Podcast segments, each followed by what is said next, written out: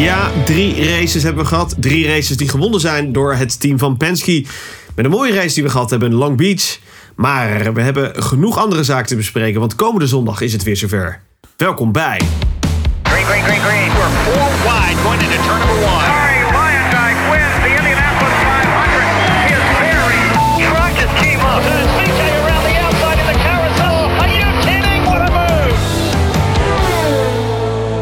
Dit is Green Green Green, de podcast. Met René Hoogterp, Jeroen Demmendaal en Frederik Middelhof.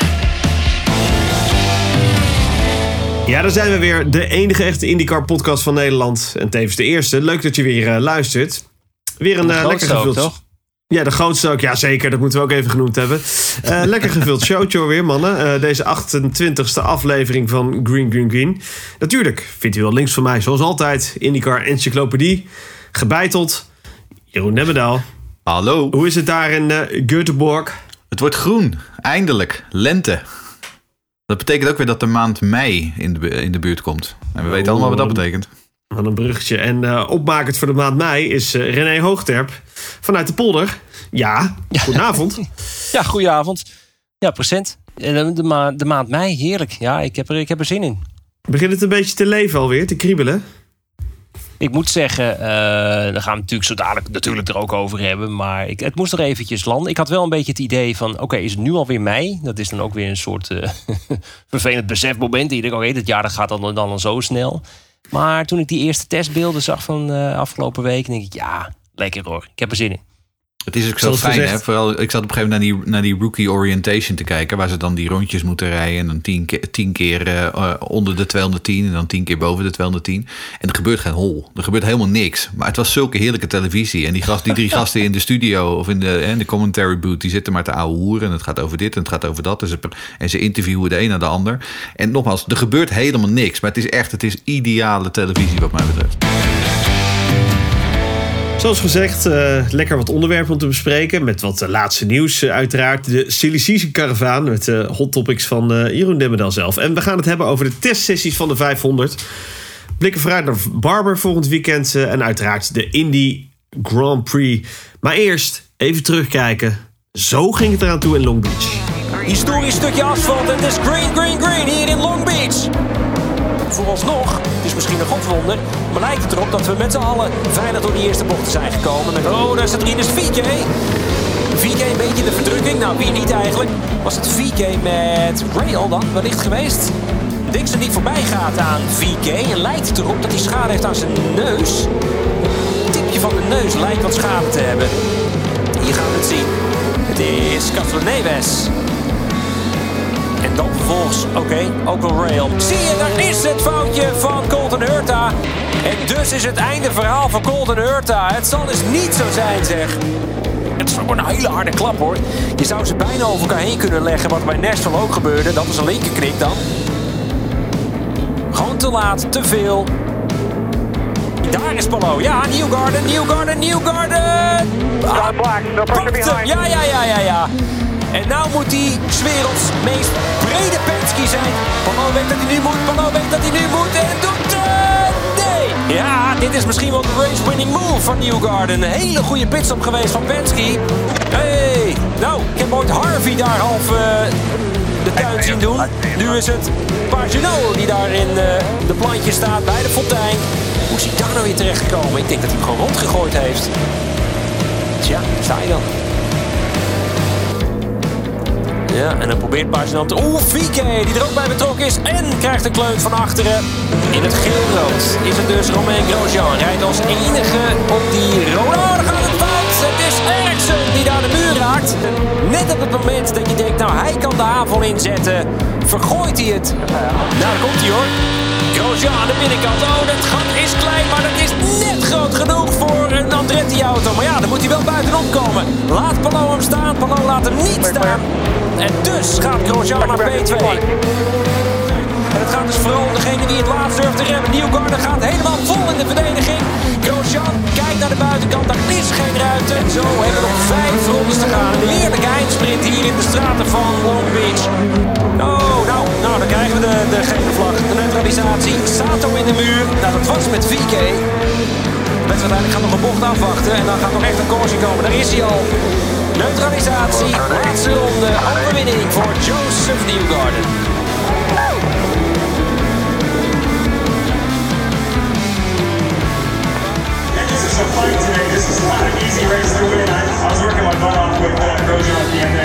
Ja, mannen, wat vonden we ervan? Nou, als ik, eh, als ik eerst nog aftrappen. ehm, ik weet nog wel dat we het van tevoren zeiden in de preview. Van, ja, Long Beach is. Het is een klassieker. Het is een geweldig plaatje. Maar niet altijd de beste wedstrijden. Kijk, vorig jaar was het natuurlijk de seizoensafsluiter. De, de edities daarvoor die waren echt om in slaap te vallen. Eh, maar eigenlijk helemaal niet. En ik denk dat Jeroen het echt wel met me eens is. Dat het, het was gewoon een mooie race. Goede gevechten. Vooral die slotfase was lekker. Een stukje tactiek er ook bij. Nee hoor, eh, wat dat betreft eh, hebben we weer mogen smullen. Ja, nee, het was een veel betere race dan in voorgaande jaren. Want dat was natuurlijk inderdaad wat we ons een beetje afvroegen van. En met Long Beach, je weet nooit precies wat je voorgeschoteld krijgt. Maar het, het was spannend. Er waren veel gevechten. Ik bedoel, slotfase natuurlijk tussen Grosjean en Newgarden. was een geweldig gevecht. Want natuurlijk eh, Simon Pagino, die even de bloemetjes aan het buiten zetten wa- was. Ehm, we hadden natuurlijk Hurta en Eriksson, die hele dure fouten maakten. Eh, en daardoor achterstand opliep in het kampioenschap. Ehm, en te midden daarvan, al, van al dat alles, eh, ook Rinus VK, die al stuiterend toch nog gewoon op een dertiende plek uitkwam. En nu zevende in het kampioenschap staat. Ja, wat na de fraaie resultaten in St. Pete in Texas toch iets meer van een crescendo, niet Jeroen? Ja, nou het was natuurlijk niet, het viel niet helemaal mee. Ehm, we, spraken hem natuurlijk van tevoren hier. Toen zei hij van, nou ja, we voelden best wel, best wel optimistisch, best wel positief. Eh, ook na St. Piet. Eh, nou ja, misschien dat het, hè, want St. Pieter hadden ze natuurlijk met de, de setup van Long Beach gereden. Dus zou dat dan nu echt in het daadwerkelijke Long Beach ook uitbetalen? Nou, dat viel uiteindelijk een beetje tegen. Ehm, nou ja, vervolgens natuurlijk ehm, eh, wat contact in de openingsfase. Toen hij in de, in de herpin eh, ja, toch gewoon zichzelf even verremde. Ehm, en toen reed hij volgens mij Jack Harvey, die tikte die eh, lichtjes aan. Dat was niet helemaal lekker. Vervolgens kreeg hij natuurlijk bij die, was er wat gehannes rond die fontein. Waarna hij de, het gros van de race met een, met een kapotte diffuser in de ronde reed. En toen kwam er die call waarbij ze op het allerlaatste moment bij de laatste safety car dachten van nou weet je wat, we halen hem naar binnen, we zetten de rode banden op en dan maar kijken waar het schip strandt. Nou, en toen kwam hij uiteindelijk in de laatste ronde. Toen stuurde die eh, Sato nog even de muur in, eh, half. Eh, en toen uiteindelijk finishte hij toch op een, op, wat ik zeg, op een, op een dertiende plaats. Dertiende. Ehm, Eh, en uiteindelijk kun je zeggen dat hij de schade beperkt heeft. Ehm, en, en nogmaals, door, door ook dat ook andere mensen fouten maakten en dus niet de finish haalden, staat hij nu na die, die eerste drie races gewoon heel netjes zevende met ECR in dit veld. Ja, ik vind dat heel, heel sterk. Absoluut. Moeten we natuurlijk, ik, eh, kijk, hij had natuurlijk wel schade aan die diffuse door die klap eh, bij die fontein. Maar laten we eerlijk wezen, volgens mij waren er toen nog maar 25 rondes te gaan. Dus het- daarvoor was het ook al niet heel erg lekker. En ik vind het wel eh, mooi. Hij zei het al zo mooi dat, het dus, dat ze in St. Pete dus de setup van, moet ik het goed zeggen? Van Long, Long Beach, Beach. dus deden inderdaad. Maar dan dacht ik al, oké, maar vorig jaar ging Long Beach nou niet heel erg lekker. Dus ja, als je nu weer diezelfde setup eh, gaat, eh, diezelfde setup sheet gaat pakken, dan moet je je afvragen of je dan een beter resultaat krijgt. Dus het, is, het blijft wel een, een lastige baan eh, de afgelopen jaren voor ECR. Dat, dat, dat, dat mag toch stiekem wel duidelijk zijn. Maar Jeroen, Colton Hurta, Ja, weer? Nee, dit doet hij te vaak, hè? Dit is het probleem Ja. met Colton Hurta. Ehm, het is eh, ook bij, ook bij die jongens, het, en net als bij Long Beach zelf, het is een beetje, het kan vriezen, het kan dooien. En, en dat, we hadden het hier ook in onze voorbeschouwing voor het seizoen al voor. Hij moet constanter worden. En als je dan dit weer ziet, ja, dit is begint ook bijna constant te worden. Ja, nou ja, exact. Ja. En dit is dan toch wel weer het probleem met Colton Hurta. Dat hij, dat hij, hij is toch wel, toch wel een beetje rough around the edges soms. Eh, terwijl hij natuurlijk wel ontzettend veel snelheid heeft. Want tijdens die kwalificatie was hij vrijwel onaantastbaar. Jeroen, wat denk je dat het is? Is dat overmoed? Is dat eh, bewijsdrang? Nou, ik denk dat hij gewoon heel vaak... Ik denk dat hij heel vaak gewoon echt on edge is. Ik denk niet dat Colton Hurta eh, nog... eh, wat je vaak ziet bij iemand als Dixon... of eh, ehm, nou, misschien een Power of een Newgarden. Die jongens die kunnen op reserves rijden. Die kunnen gewoon zichzelf pacen. En ik heb het idee dat Hurta daar nog steeds... die is nog steeds zo ontzettend aan het stampen. En dat is wat hij wat die kan. Dat is wat hij weet. Ehm, en als het goed gaat, want dat is natuurlijk ook zo. Kijk, het is niet dat hij hem iedere keer in de muur zet. Hè? En als het goed gaat, zoals bijvoorbeeld vorig jaar, of zoals eh, bijvoorbeeld St. Piet vorig jaar, ja, dan is die, dan is die gewoon niet, na, niet bij te halen voor niemand niet. Ehm, kijk, en als hij dat nou iedere wedstrijd kan doen, ja, dan, wordt, dan, dan wordt het nog wel wat. Eh, kijk, hij is natuurlijk ook eh, dit seizoen, hè, die eerste twee races had hij pe- pech met, met dubbele verkeerde pitstop, zeg maar. Dus daar heeft hij ook wel wat resultaten mee verloren. Uiteindelijk staat hij nog steeds, nou ja, hij staat niet op enorme achterstand. Ik bedoel, hij kan dat nog wel goed maken. Maar dit soort fouten, het is een beetje als met Charles Leclerc in de Formule 1. Ik bedoel, dit soort fouten moet je niet te vaak gaan maken als je kampioen wil worden. Nog een vraag binnengekomen van Ramon Kok over Long Beach. Eh, zal in het contract gestaan hebben dat die fontein altijd in het shot genomen moet worden als die auto's daar passeren? Nou ja, ze hebben er natuurlijk wel een hele mooie. eh, in die fontein en in die, die roundabout hebben ze dus zo'n camera gezet die dan zo lekker mee kan draaien ook.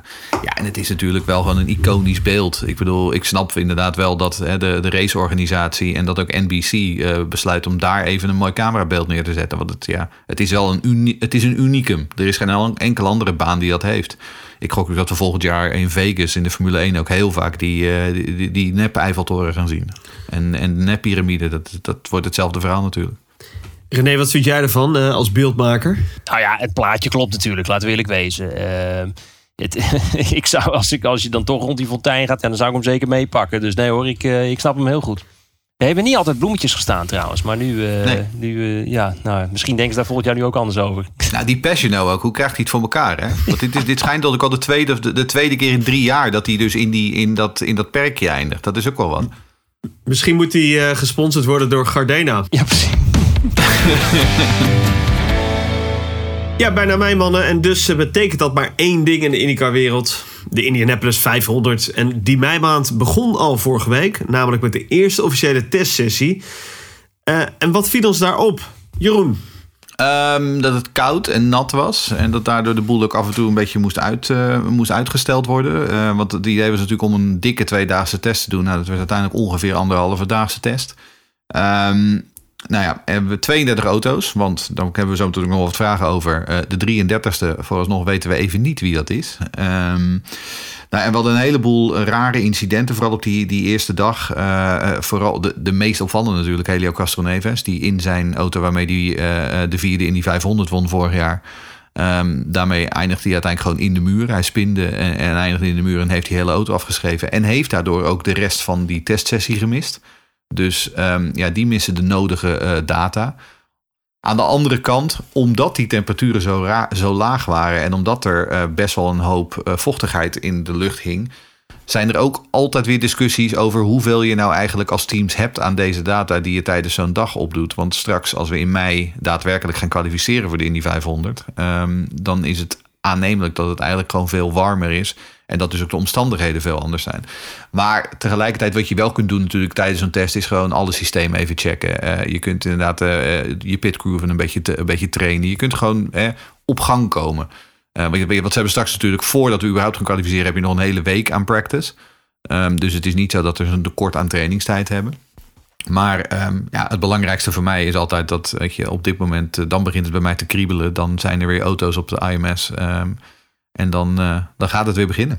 Nou, ik vond het eigenlijk wel eh, schrikken. Hè? Als je het meest spannende moment wil van die, van die tweedaagse was wel het moment tussen Power en Hurta. Power die spinde dus ook bij het uitkomen van de pitstraat. Maar het scheelde ook echt helemaal niks. Hè? Of Hurta die was er bovenop geklapt. Hurta natuurlijk misschien meer geluk dan wijsheid. Maar heel veel geluk in ieder geval dat hij er dus niet bovenop klapte.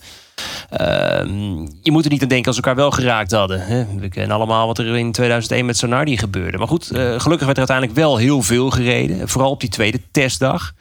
Eh, Jeroen, je zei het net al, de Rookie Orientation programma. Dat is dan waarbij de rookies dus een bepaald programma moeten afleggen... om een soort rijbewijs te behalen, een licentie te behalen... een startbewijs voor de 500.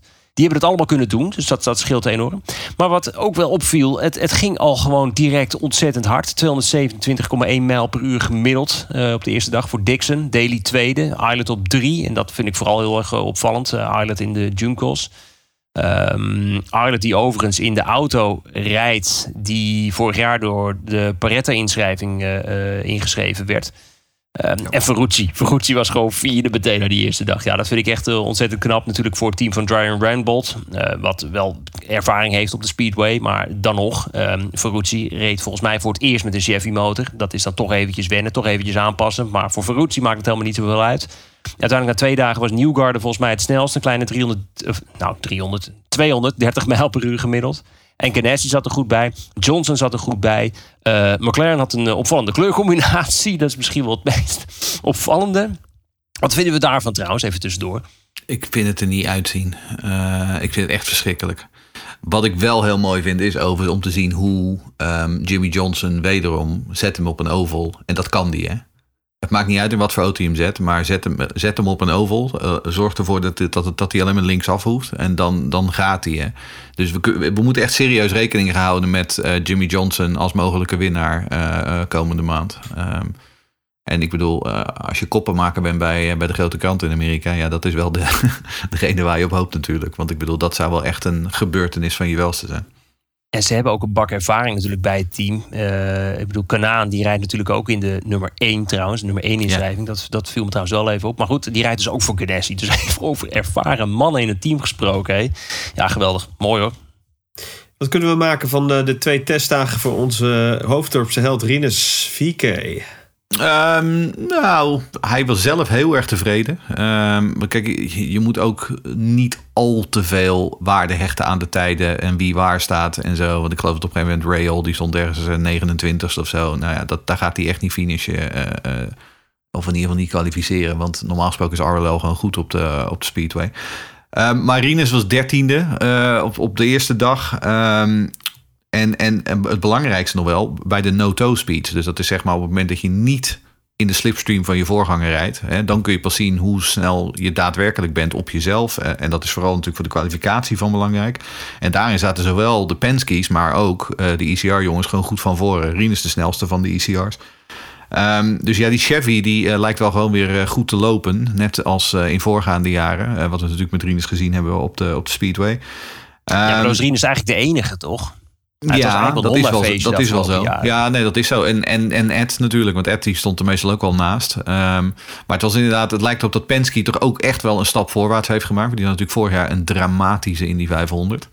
Ehm, wat we hebben natuurlijk wel gezien dat eh, Honda inderdaad is wel dominant gebleken, geweest. In ieder geval in de, in de aeroscreen jaren. Ehm, en dan uiteindelijk op de, op de tweede dag was Rinus 15e. Maar ook daarbij, ik heb hem een tijdje zitten bekijken toen hij op een gegeven moment in de treintjes reed. Eh, toen waren ze echt aan het treintje rijden van eh, kun, je, kun je in verkeer goed meekomen. En ook daar weer, het zag er zo stabiel uit. Ik had geen moment het idee, eh Grosjean die ging op een gegeven moment een keer echt bijna de muur in. Dixon was hem op een gegeven moment een keer echt bijna kwijt. Ja, dat zag, dat, dat zag je bij Rinus gewoon niet. Ehm, en, en wat ik zeg, ehm, ik weet dat hij zelf heel erg tevreden is. Ehm, en, en dat gewoon een goed gevoel heeft. Dus ehm, ja, ehm, ik, ik denk dat we ehm, misschien een hele mooie meimaand tegemoet gaan wat dat betreft. Vraag nog van eh, Martijn Spierings. Gaat Rinus nu weer met zijn normale livery rijden op Indy? En eh, Sander Wolbers vult hem aan. Gaat Rinus ook dit jaar weer met de Bitcoin livery rijden tijdens Indy 500? Jeroen, wat kun jij prijsgeven? Nou, ik heb, mij is verteld dat ik voorlopig mijn klep moet houden. Maar ehm, wat ik wel eh, kan zeggen is dat het iets heel eh, speciaals gaat worden. Ehm, om heel te zijn, de pre- precies weet ik niet. Maar ik heb me laten vertellen dat het eh, iets heel speciaals wordt. ehm, en iets wat heel erg opvalt. Wat er echt uitspringt. En natuurlijk vorig jaar inderdaad dat hij die hele speciale oranje-zwarte Bitcoin livery. Ik weet, nogmaals, ik weet niet precies wat er, wat er dit jaar gaat komen. Maar ze zijn wel degelijk iets speciaals aan het voorbereiden voor die grote race eh, eind mei. Dus eh, nou ja, hou, zoals altijd, hou onze twitters in de gaten. En eh, je, je hoort het als eerste bij ons. Dan kregen we nog meerdere vragen binnen van eh, onder andere Harry en Etienne Peters. Die vragen: wat is op dit moment de stand met betrekking tot het aantal inschrijvingen voor de Indy 500? En komt er nog een bump day? René. Ja, nou ja, er kwamen dus 32 auto's in actie. We gaan het zo dadelijk ook over Perette hebben. Die- gaat er niet bij komen. Dus we staan inderdaad voorlopig nog wel op 32. Maar Mark Miles, zeg maar de baas van het feestje, eh, heeft aangegeven dat 33 wel moet lukken. En als het eventjes mee zit, hebben we misschien ook nog wel een 34ste inschrijving. En dus wel gewoon een bump day. Het is dan maar één auto. Maar we weten allemaal uit het verleden hoe, hoe wat meer lading zo'n kwalificatie geeft dat er maar 33 mogen deelnemen. En ben je dus die 34ste, ja, dan mag je gewoon douchen, eh, mag je vooral toekijken. En dat is, dat, we hebben in het verleden zulke mooie verhalen, of ja, ja, aan de ene kant mooie verhalen, maar ook hele trieste verhalen eh, meegemaakt. We denken natuurlijk aan het mooie verhaal van Junkos, die juist in plaats van die auto van Alonso dan toch die auto heeft eh, weten te kwalificeren in 18, 19, 19 was het volgens mij. Ja, het is. ik, vind het, ik zou het heel mooi vinden als Wim Day is. Het hoort eigenlijk ook wel. Ik, ik, ik zou willen zeggen, ehm, hoop er niet al te veel op. Ehm, want die 33ste die gaat er wel komen. Want dat, dat gaat uiteindelijk gewoon achter de eh, schermen. Wordt er door eh, de nodige koehandel en de nodige handjeklap gaan ze dat regelen. Maar ehm, er zijn inmiddels al zoveel mogelijke scenario's geweest die leken te lukken en toen vielen ze weer door. Ehm, kijk, wat we weten is dat Junkers nog een tweede auto heeft. Die hebben ze staan van Carlin, ehm, want Carlin is er niet meer. Ehm, en dat was natuurlijk normaal gesproken zou dat de 33 century zijn. Maar ja, die zijn er niet meer. Ehm, maar Junkos wil ook eigenlijk... Die, die, die richten zich liever gewoon volledig op, op uh, Callum Islet. Uh, want Callum Islet die, uh, is natuurlijk een rookie. Die wil heel graag... die willen ze heel graag gewoon... Daar willen alle aandacht geven. Dus eigenlijk die tweede auto, ja, daar heeft Junkos niet zo heel veel zin in. Nou, het zou dan dus inderdaad kunnen dat het dan een ander team is... dat dan die, dat chassis wel leent... Uh, en dan ook voor de boel betaald. Maar ja, daar, zijn, daar zijn nog de onderhandelingen over gaande. Ik gok dat het uiteindelijk wel gaat lukken. Maar ga je er dan daadwerkelijk als 34ste bij zitten... met het risico dat je dan vervolgens... Hey, want je hebt, al, je twee testdagen gemist... dat je dan uiteindelijk niet kwalificeert... en dus uh, je halve miljoen uh, tot drie kwart miljoen uitgeeft voor niks. Ik geloof daar ja. niet zo heel erg in. Zeker niet met, als het zo kort dag is. Uiteraard gaan we natuurlijk nog uitgebreid voorbeschouwen... op die Indy 500, 29 mei... Maar toch nog wel even wat vragen uh, ja, over de Ziggo-plannen voor René. Allereerst van Hidde, wat gaat Ziggo oh. allemaal uitzenden qua trainingen en kwalificatie voor de 500? En komt er dit jaar ook weer een voorbeschouwing in de studio met co-commentaar van Robert Dombos? Uh, nou, we gaan sowieso, de, kwalificatie gaat weer uitgezonden worden. Ik heb, as we speak, deze week later heb ik nog een, een meeting over wat we daar nou precies van, van gaan doen.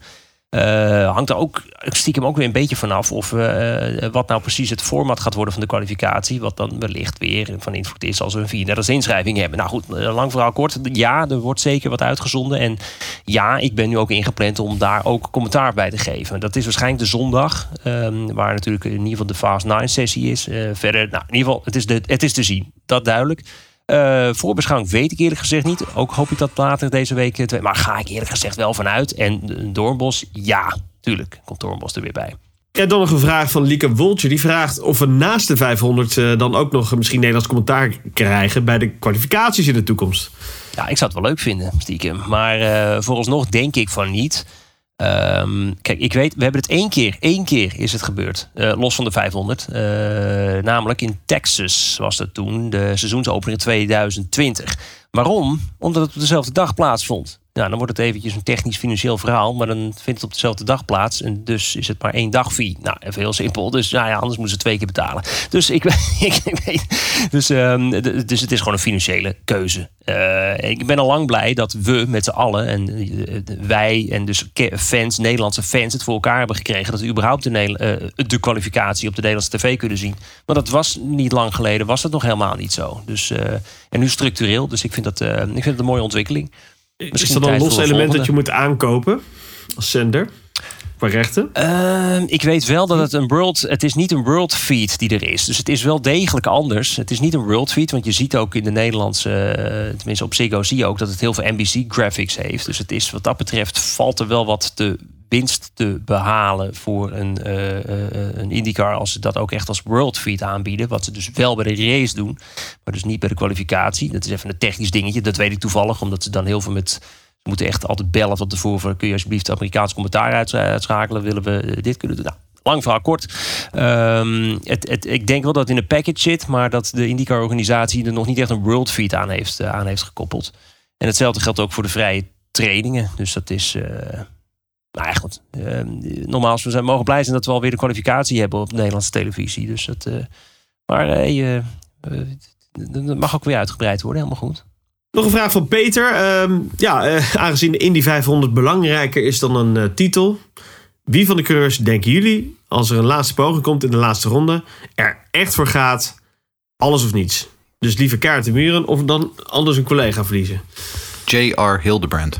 Die heeft dat namelijk in 2011 die heeft ja. dat namelijk gedaan. Die heeft hem in de allerlaatste bocht, in de allerlaatste ronde in de muur gezet. Terwijl hij aan de leiding lag. Dus als J.R. Hildebrand nog een keer de kans krijgt in zijn AJ Foyt machine. Dan gaat hij er absoluut voor. Want hij is al een keer tweede geworden. En hij heeft hem al een keer in de laatste ronde verloren. Dus hè, dat maakt verder niet uit. Tevens uh, YouTube kijktip. dat sowieso. Ja, dat is dat, dat is dat clipje. Ik blijf er naar kijken en iedere keer geloof ik het niet. And how fitting for the National Guard car to win if he can indeed do that. Is he got enough fuel to make it to the end? Half a lap. He's got a half a lap to go, and he's the Indy 500 champion. Panther Racing, oh so good. They finished second here, twice here. They come again through the final two corners. J.R. Hildebrand. Careful of traffic. He's got to get around the lap. Traffic. 100 years. running No, out of fuel. no, he hit the wall. Oh just Oh, like my Thomas goodness. Shaker. Keep just your like foot on the Shaker. gas. Dan Weldon is going to win the race. Yeah, Dan! That is unbelievable. Oh my goodness. Weldon, after finishing second the last two years, wins when J.R. Hildebrand hits the wall coming out of four, just as Scheckter did in 2000. What a tremendous finish. What a drive for Weldon. I'm tell I've been saying it all day that outside lane is a Het IndyCar seizoen 2022 is nog pril. Hoewel pril, we zitten alweer in eh, de maand mei. Maar drie races eh, gehad, nog 14 te gaan. Eh silly season is toch al wel weer aan het draaien, niet waar Jeroen? Ja, we zijn er vroeg bij dit jaar, maar ehm, allemaal magisch. Er zijn wel echt wel wat verschuivingen ehm, en al bijna verschuivingen bezig. Ehm, de voornaamste is natuurlijk Alexander Rossi. Hè. Daar hebben we het in het voorseizoen al een beetje over gehad. Ja, Rossi en Andretti, dat is wel een beetje klaar. Dat is wel een beetje over. Ehm, nou, als je dacht dat hij in de voorgaande seizoenen een beroerde seizoenstart had, dan moet je hem nu eens proberen. Eh, het is echt huilen met de pet op. Ehm, ja, en er gaat een heel hardnekkig gerucht dat hij al bij Arrow McLaren SP getekend zou hebben. Ehm, Andretti lijkt ook al in interviews de facto toe te geven van ja, aan het einde van het jaar is Alexander Rossi weg. Eh, dus dat zou wel interessant zijn. Wie, wordt die, eh, wie worden dan zijn teamgenoten bij Arrow McLaren SP? Nou, we dachten allemaal, Pato Award, die zit daar tot in lengte van eh, eh, jaren, tot in lengte van dagen.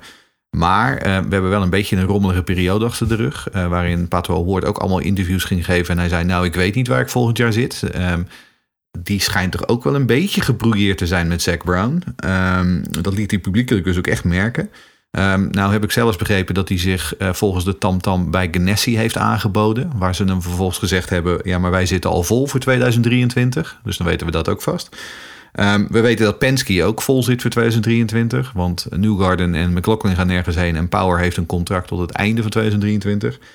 Dus Pato die schijnt nu uiteindelijk alsnog bijgetekend te hebben bij, ehm, bij McLaren. En heeft zijn contract opengebroken en verlengd. Maar frisse dat, tegenzin. nou, exact ja. Wilde die, wilde die dat nou echt? Of is dat meer gewoon nou ja, bij gebrek aan beter? Dus dat is wel een beetje een dingetje. Ehm, dus ja, wat, als dat waar is, eh, deze twee verhalen, ja, dan zit eh Aaron McLaren SP dus ook al grotendeels vol voor 2023. En de enige, de enige die dan nog een vraagteken is, is Felix Rozenquist. Ja, in Brabant hebben ze daar mooi gezegd voor Jeroen. De prik is uit de cola. ja, exact, ja. Eh, En dan de Rinus. Wat zijn de plannen daar, denk je? Ja, ik zal even een bloemlezing van de vragen geven. Zo kregen we van Gerald Spilleman. Wordt het tijd dat Rinus een stap gaat maken naar een topteam? Eh, Martijn Spierings vraagt... Wat zien, wat, ja, wat zien jullie als meest waarschijnlijke plek voor Rinus? Waar hij heen kan als hij van team wisselt? En in hoeverre is het een financieel probleem... om naar een beter team te gaan? Of is talent voldoende? Jeroen. Nou ja, kijk, alles hier draait om timing. Dat is natuurlijk waar ga je heen. Want ik bedoel, hij zit natuurlijk nu bij Ed Carpenter Racing. Eh, op dit moment gaat het best aardig. Ehm, maar we hebben net besloten, eh Penske en Ganassi, die zit al vol voor 2023. Wat dan dus McLaren en Andretti openlaat. Ehm als Ro- blijft, dan is McLaren ook vol. Plus, mijn gevoel is een beetje dat Rinus het liefst bij of Penske of Ganassi aan de slag wil. En waarom? Als je bij Penske en Ganassi binnen bent, dan heb je loyaliteit. Dat zijn teams die loyaal zijn aan hun rijders, eh, vooral als die presteren. Kijk maar naar Power, kijk maar naar Dixon, kijk naar Newgarden, kijk naar Ericsson. Die jongens die zitten daar geramd voor de lange termijn. Eh Palo zeer waarschijnlijk ook. Die zie ik voorlopig ook niet vertrekken. Ehm, en de extra Penske factor is natuurlijk de Chevy-link. Want de mensen van Chevy die, eh, die zijn lyrisch over Rinus. Nou ja, McLaren, past Rinus daar? Rinus toch een beetje een vrijbuiter, een beetje, een beetje vrije jongen. Eh, eh, McLaren is wel heel erg strak en heel erg corporate. Hè? Ik bedoel, ik weet niet of hij daarbij past. Nou, er zit er nog wat oud zeer uit de tijd dat Rinus nog echt een junior was. Dat ze hem nog een keer niet teruggebeld hebben. Ehm, ja, dat is ook niet lekker. Weet je, dus een echt lekker gevoel heeft hij daarbij ook niet. Ehm, Andretti, zeker geen zekere kaart. Plus dat hele team draait op dit moment om Hurta en Grosjean. Ehm, krijg je daar dan de aandacht die je wel wil hebben? Maar diezelfde Hurta die flirt ook met Formule 1 samen met het Andretti-team. Nou, dat is dus inderdaad een joker. Maar ik heb ook hoor, me horen vertellen dat Kyle Kirkwood, waarvan iedereen zeker wist dat hij in 2023 naar Andretti zou gaan, al dan niet als vervanger van Rossi, dat zelfs Kyle Kirkwood een beetje naar eh, Andretti aan het kijken is van ja, wil ik daar wel tussen zitten op dit moment? Kan ik niet beter nog een jaartje bij Ford blijven? Ehm, nou, tel daar dan bij op dat Rinus na drie wedstrijden nog steeds zevende algemeen staat. Ze gaan nu naar banen waar die goed zou moeten scoren. Want vorig jaar was hij goed op Barber. Dan krijgen we Indianapolis, waar die vorig jaar won. En vervolgens de Indy 500, waar die ook gewoon vooraan meedeed. Waar staat hij dan eh, eh, als, we, als we de zomer beginnen met ECR? Zou het daarom kunnen dat Rinus dus wacht op eind 2023... En dan op het moment als Power en Dixon dat dan die contracten aflopen, dat hij dan per 2024 de sprong maakt. Nou, dat weet ik niet. Ik ben heel erg aan het speculeren nu, maar dat is een scenario wat mij niet zou verbazen. Apropos geld, ja, nou, dat is uiteraard geen enkel probleem. Ehm, even ter herinnering, bij ECR betaalt hij al sinds 2021 geen cent meer. Ehm, Tony George, eh, die, uh, de, die, dat is de grote man achter Sonax, achter AutoGeek, die, bepaalt, die betaalt daar de rekeningen. Uh, dan heb je nog Direct Supply, dat is een bedrijf uit Wisconsin en de CEO daarvan, die is ook lyrisch over Rinus, dus die betaalt alles om, om hem daar te houden. En dan hebben we die sponsor van Daily, die man achter Bitmaal, die wil graag investeren in dat team. Dus geld, dat zit er wel. Daarnaast is het natuurlijk zo, op het moment dat je eenmaal naar Penske en naar Ganassi gaat, ja, dan hoef jij zelf niet meer met centen te komen. Zeker niet als je een beetje gearriveerde rijder bent. Um, nee, dan zoeken ze gewoon de best beschikbare rijder in plaats van een rijder met budget. Ja, vorig jaar hadden we tijdens de Indy 500 een extra inschrijving van Beretta Autosport. Een team wat toen in samenwerking met Penske in de IndyCar terecht kwam met een vrouwelijke coureur in Simona Di Silvestro. Maar ook een compleet team wat gerund werd door voornamelijk vrouwen. Lange tijd was onduidelijk of dit uiteindelijk een eenmalige deelname werd of dat er een vervolg komt op dit project. Nou, tot vorige week, uh, Jeroen. Uh, want ja, praat ons even bij. Ja, nou, vorige week werd dus inderdaad bekend uh, dat Rinus Vieke uh, dit jaar in ieder geval bij uh, drie races en waarschijnlijk bij vier races een nieuwe teamgenoten krijgt. Want Peretta Autosport en Ed Carpenter Racing gaan samenwerken. niet voor de Indy 500 dus, um, maar um, Simone Di Silvestro die zit in die auto op Road America. Dat is de eerste. Daarna Mid-Ohio en dan gaan ze ook naar de streets of Nashville. Uh, dus ze kan de borst nat maken wat dat betreft. um, en ze zijn aan het kijken naar Portland en, Lagu en of Laguna Seca. Want eigenlijk willen ze daar ook nog wel. Dat was vorig jaar al het plan. Maar ja, toen kwam opeens Junkos met het idee dat ze toch ook wel graag terug wilden. En toen had Peretta opeens geen auto meer. En dus ging dat hele verhaal niet door. Um, en het plan voor volgend jaar is dan dat er meer races uh, uh, komt waarbij ECR en, um, en Peretta samen gaan werken. Nou, en dat is dan dus die auto waar Ed Carpenter alle ovals in rijdt. Ja, en als je dan ook die uh, meer en road en street courses gaat toevoegen, ja, langzaam maar zeker begint Ed Carpenter Racing dan toch gewoon een, een auto met drie of een team met drie auto's te worden. Ja, die samenwerking, leuk. Uh, extra auto erbij, maar wat, wat levert het op uh, voor ECR? Nou ja, extra auto betekent extra data. Hè? Je kunt dus wat dingen uitproberen. Kijk, en Simone de Silvestro is ook geen rookie. Die komt niet net kijken. Uh, die heeft heel veel ervaring. Die heeft meer dan 70 IndyCar races op de naam staan.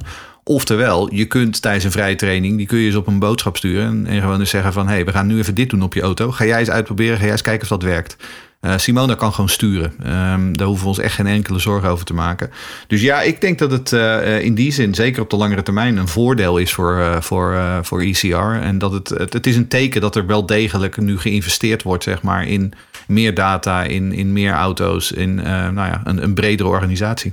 Ja, van uh, F. Bloemert over de samenwerking tussen ECR en Beretta. Heeft Rinus aangegeven eigenlijk wat hij van uh, de nieuwe samenwerking vindt? Ik heb hem er nog niet over gesproken, maar ook, ook Rinus zal denk ik een voordeel zien in dat er meer data beschikbaar is. Ik bedoel, daar heeft hij het ook hier bij ons in de show natuurlijk wel eens eerder over gehad. Dat hè, als je bij een grote team zit en je hebt meer auto's om die, om die data en om dat setup work over te verdelen, ja, dat is gewoon een voordeel. Dus ik kan me voorstellen dat, dat hij dit ook, ook wel ziet zitten.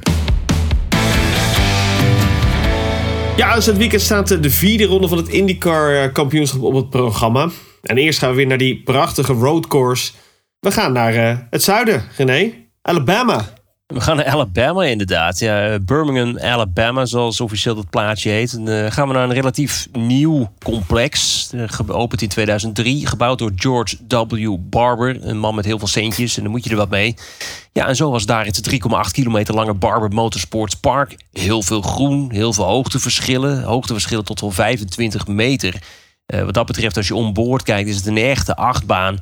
Ja, het is, een, eh, het, het is wat dat betreft gewoon een heel mooi glooiend complex. Eh, ook geen vaste tribunes, dus het is een soort festivalsfeertje wat je daar dan hebt als je daar als toeschouwer zit. Maar eh, ik zeg het wel, het is een modern complex. Maar gelukkig is het niet een verpest modern complex met kilometers asfalt uitloopstroken. Het, het, het voelt wat dat betreft allemaal gelukkig nog heel traditioneel aan. Heel veel gras, grindbakken, et cetera. Dus dat, eh, dat ziet er allemaal wel eh, heel vrij uit. En sinds eh, 2010 komt het uh, IndyCar-veld hier langs. Ja, en, en dan hè, Dirty South. Daar kan natuurlijk af en toe van nog wel eens flink stortregenen. Uh, we hebben hier ook wel relatief veel regenraces gehad. Um, en het, het is een beetje een, uh, een op- en neerbaan. Het is een beetje een achtbaan. Dus je hebt ook al af en toe wel van die stroompjes die dan over de baan gaan lopen en zo. En dan, dan is het al wel aan het opdrogen. Maar dan heb je nog steeds plekken waar het gewoon nog steeds zeiknat is. Um, ja, dat dieptepunt was denk ik vier jaar terug. Um, toen hadden we zoveel regen dat die race op zondag niet eens afgemaakt kon worden. En toen moesten ze op maandag nog een keertje terugkomen om het, om het restant uit te rijden. Uh, 2014 kan ik me ook er, het was 15 of 14, toen het echt ontzettend uh, regende het hele weekend. Um, nou ja, en vorig jaar hadden we natuurlijk die seizoensopener. Um, dat zouden we bijna vergeten. En die enorme klapper. Uh, waarbij Joseph Newgarden gewoon een enorme fout maakte. En vervolgens vijf, zes man meenam. Um, dus ja, het is wel een baan die um, spektakel op kan leveren. Maar het is ook wel moeilijk inhalen. Uh, het is geen makkelijke baan om in te halen. Wat vinden jullie er nou eigenlijk van, mannen? René? Nou, nou, als ik dan even door mag pakken wat Jeroen zegt. Ja, je kan er al niet makkelijk inhalen. Want het is inderdaad een heel mooi glooiend circuit. Uh, wat dat betreft voelt het bijna als een soort, soort motorrace circuit aan. Um, kijk, als het op de Formule 1 kalender zou staan... dan was het natuurlijk een ontzettend gaaf, geweldig circuit. Maar je hebt zoveel mooie roadcourses op de IndyCar kalender staan... dat ik deze maar een beetje... Ja, ja, nou, ik word daar ook niet zo heel enthousiast van. Ik bedoel, als je de andere kant van het spectrum ook een Road America hebt of een Mid-Ohio, dan denk ik, ja, dan is Barber is oké.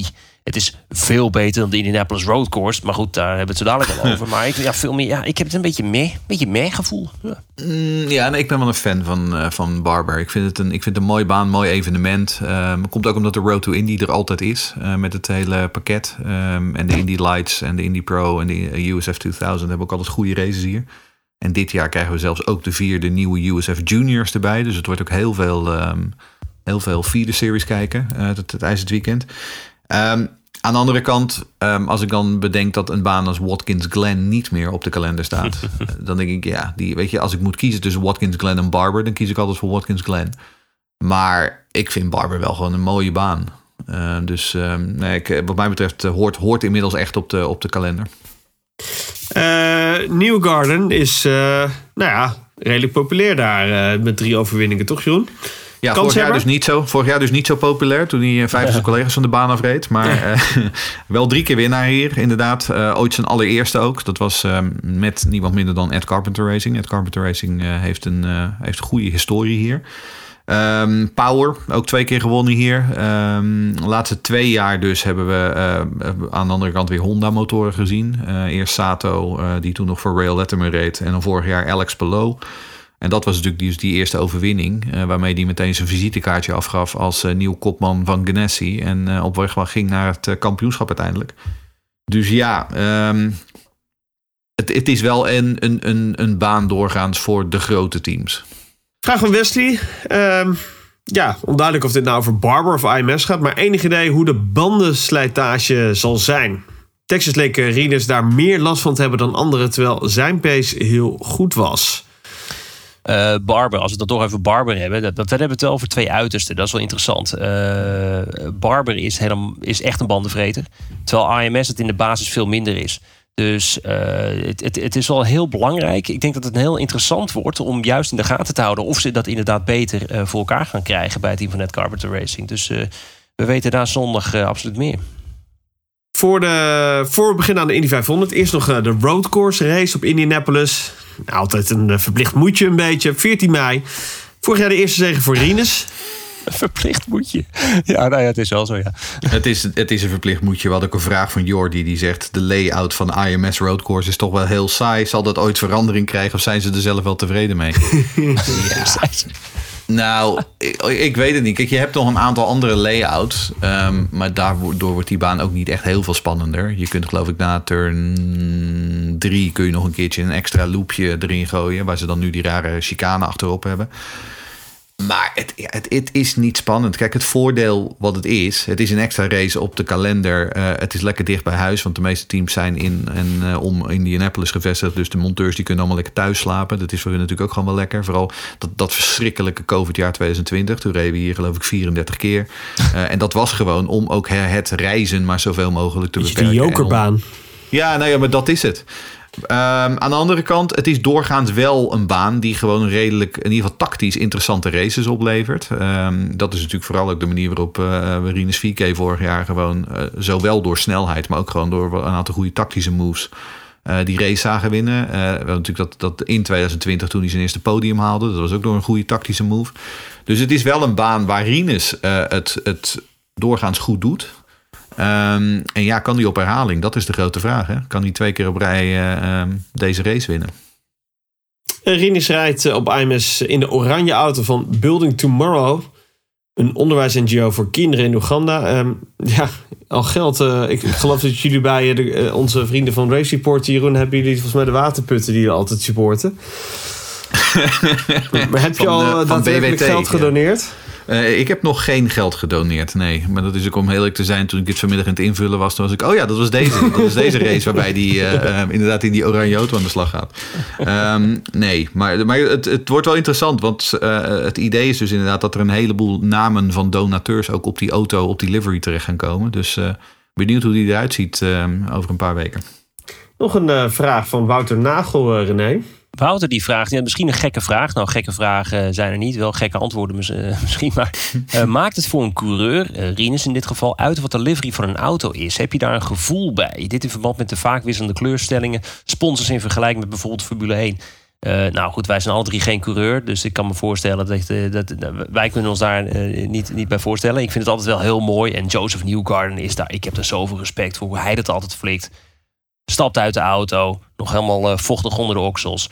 En dan eh, moet hij toch eventjes eh, vertellen hoe de Chevy Hitachi number one car, weet ik veel. En, en, dan gaat hij helemaal door. En hij weet ook precies elke sponsor weer juist te noemen. Dat vind ik eerder knap, dat je dat gewoon weet van... oké, ik rijd dus nu in de... Oh ja, ik rijd nu in de zwart-witte. Volgende week rijd ik in die rode. En dan rijd ik de 500 rijd ik weer met die goud-wit-gele auto. Het is ongelooflijk. Maar natuurlijk... bijgeloof. Dat kan ik me wel voorstellen, een stukje bijgeloof. Eh, volgens mij was het een paar jaar terug. Ik weet niet meer wie dat was, maar de- misschien weet Jeroen dat nog. Maar er was een rijder, redelijk, redelijk in de subtop top.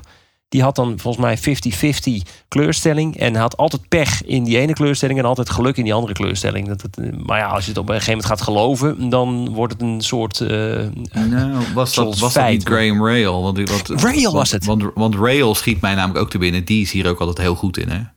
Eh, het, het punt natuurlijk, natuurlijk met Graham Rail is ook dat hij zelf heel veel doet als het gaat om sponsorwerving. Ehm, hij, is hij is eigenlijk ook gewoon de commerciële man van, eh, van Rail Letterman Lanigan. Eh, heel veel van die sponsoren die altijd op die, op die auto staan daar. En vooral bij hem, die heeft hij zelf binnengehaald. Ehm, en hij is daar ook echt het uithangbord voor. Dus hij weet altijd precies als hij uitstapt. Ja, nee, het is die en die eh, tent die, eh, die nu weer... eh Hy-Vee bijvoorbeeld, dat is iemand die hij binnen heeft gehaald grotendeels. Ik mag hopen dat hij Ehm, zelf ook de centen mag bijschrijven op zijn rekening. Nou ja, hij is, hij is deel-eigenaar van het team. Hè? En op termijn gaat hij natuurlijk gewoon team, gaat hij het gaan overnemen van zijn papa natuurlijk.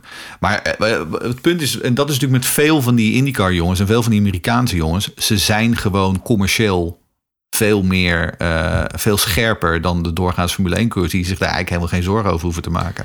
Sowieso Ja, de wat denk je 1. dat eh, in de Formule 1 een zo Guangyu eh, weet eh, wie zijn backing zou zijn vanuit China? Nou ja, nee, maar het, je, hoeft het ook niet te, je hoeft het ook niet te noemen in interviews. Hè? Ik bedoel, je hoort Norris dat hij zo ontzettend blij is met de views Android McLaren, eh, die hem op, zijn derde, eh, op de derde plek heeft gezet.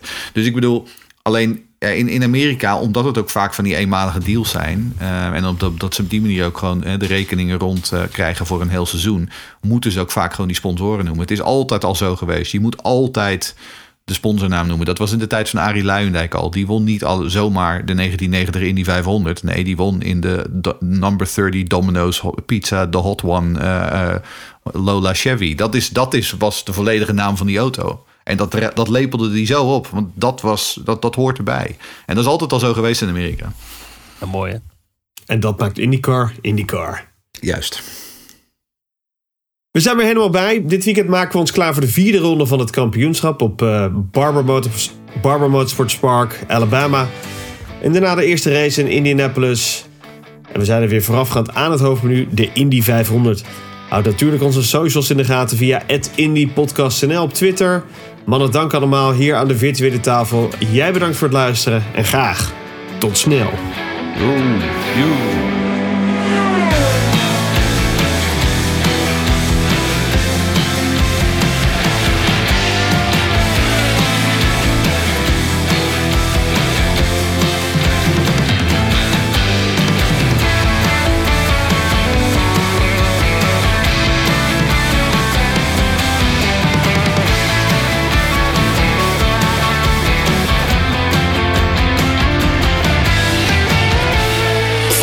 Laatste IndyCar nieuws van Green Green Green op Twitter via @indypodcastnl en abonneer je op Green Green Green via je favoriete podcastplatform.